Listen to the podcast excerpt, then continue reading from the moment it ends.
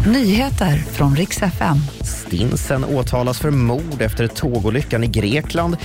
Och Maria Montazami och Ola-Conny tävlar i matlagning i nytt tv-program. God morgon. Vi ska börja med förra veckans tågolycka i Grekland där en stins som ansvarade för trafiken nu har häktats och åtalas för mord och vållande till kroppsskada. I ljudinspelningar som myndigheter har släppt eh, hörs bland annat hur stinsen uppmanar en lokförare att strunta i en röd trafiksignal. Nu riskerar han upp till livstidsfängelse. Minst 57 personer omkom i olyckan. I Estland hölls det val igår och när nästan alla röster nu har räknats står det klart att sittande premiärministern Kaja Allas får förnyat förtroende. Hennes parti får 31,6 procent av rösterna och den sittande koalitionen sitter av allt att döma kvar vid makten.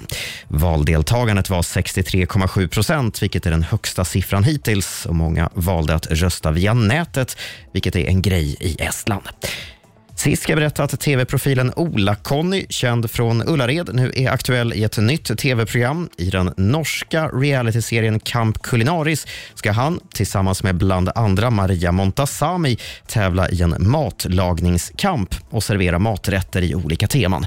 Programmet har premiär på TV3 och Viaplay den 28 mars. Och Det var de senaste nyheterna. Jag heter Robin Kalmegård.